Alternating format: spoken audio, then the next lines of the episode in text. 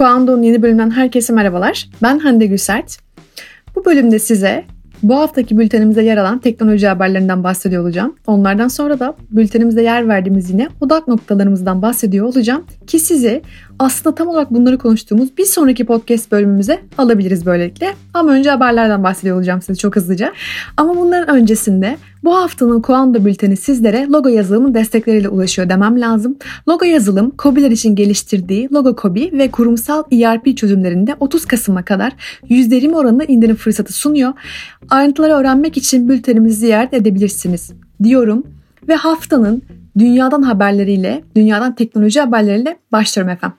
İlk haberimiz Snapchat TikTok kopyası ürünü Spotlight piyasaya sürdüğünü açıkladı. Aslında bununla alakalı detaylı bir yazıyı bugünkü Daily bültenimizde ben ele almıştım. Oradan da okuyabilirsiniz. Çok eğlenceli bir yazı olduğunu düşünüyorum. Ben yazdım diye söylemiyorum ama gerçekten eğlenerek, keyif alarak yazdığım bir yazı. Snapchat'in TikTok kopyasını benzeri ürünü Spot, Spotlight'ı bugünkü bültenimizde Daily bültenimizde bulabilirsiniz. Aposto Daily'den bahsediyorum. Kuando'dan değil. Shopify satıcılarını binlerce tedarikçi ulaşma imkanı sağlayan perakende satış platformu Handshake'i tanıtmıştı. Handshake nedir, ne yapar? Bununla alakalı linki bültenimizde bulabilirsiniz. Uber ve Lyft Amerika hükümeti ile federal çalışanlar ve ailelerini taşımak için 5 seneliğine 810 milyon dolarlık bir anlaşma imzalamış. Bunun haberini paylaştık. 2020 seçimleriyle beraber Twitter'ın herhangi bir paylaşım potansiyel bir yanıltıcı olarak etiketlendiyse eğer bunu retweet etmeye çalıştığınızda sizi uyardığını biliyoruz.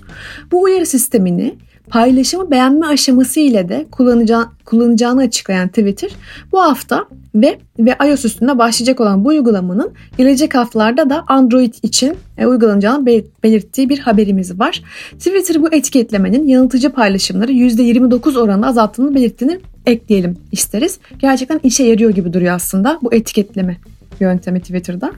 Wayback Machine olarak da bilinen The Internet Archive e, projesi ne bilirsiniz muhtemelen. Flash animasyonları ve oyunların da artık saklayacağını açıkladı. Neden böyle bir şey yaptı? E, Adobe 2020 sonunda artık kullanılmayan bu web teknolojisini bırakacağını belirtmişti ama Wayback Machine onlara sahip çıktı ve artık onları saklayacağını açıkladı. Eski Yahoo CEO'su Marissa Mayer Sunshine Contacts isimli startup'ıyla geri döndü.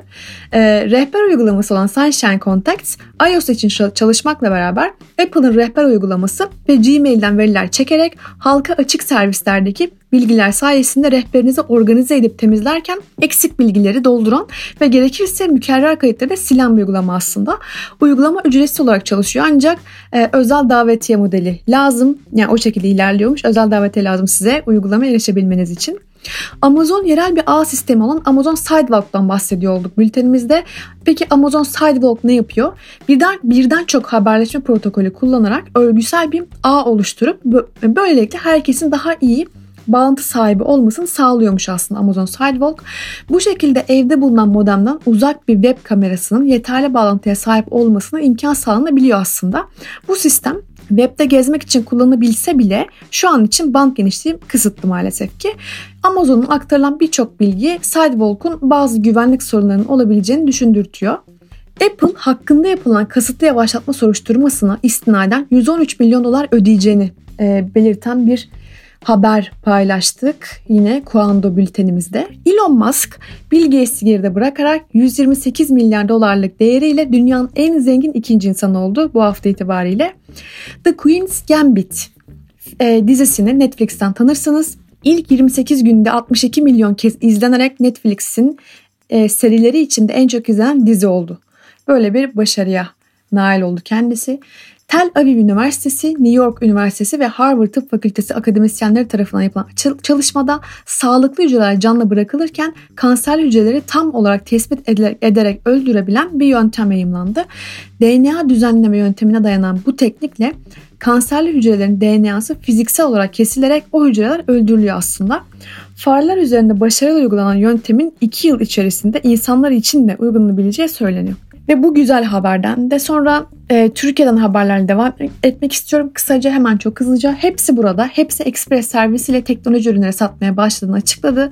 CEO'su Hüseyin Kılıç olan e, 2011 yılında kurulan Interesting Engineering web sitesini bilirsiniz. Çok eğlenceli bilgiler vardır içerisinde. Genel yayın yönetmeni e, Jolene Crackton oldu.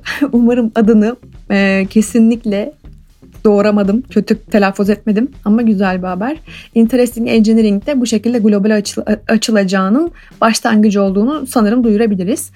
Yerli bulut sistem entegratörü olarak müşterilerine veri depo depolama ve bulut yöntemi gibi hibrit bulut çözümleri sunan Bulutistan Ak Portföy'den 125 oranında yatırım aldığını açıkladı. Böylelikle haberleri son vermiş olayım ama e, ayrıca e, diğer bölümümüzde ne konuştuk ondan kısaca bahsetmek isterim size. E, Emir'in yazdığı sahte görsellerin serüvenini dinleyeceksiniz bir sonraki podcast bölümümüzde.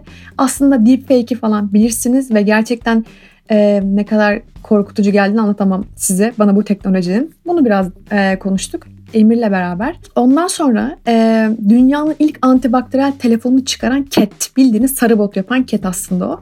Ondan bahsettik Kübra ile beraber. E, aynı zamanda paylaşımlı otonom araç hizmeti sağlayan robotaksilerden bahsettik Elif'le beraber. Ve The Mandalorian'ın arttırılmış gerçeklikle evimizde misafir nasıl olacağından bahsettik yine Elif'le beraber. Bir sonraki bölümümüzde bunları bulup bulabileceksiniz daha detaylıca. Çok teşekkürler bizi dinlediğiniz için ve bizi okuduğunuz için. Ee, bir sonraki Kuanda bölümünde tekrar görüşmek üzere diyelim. Hoşçakalın, kendinize çok iyi bakın. İyi haftalar efendim, sağlıkla kalın.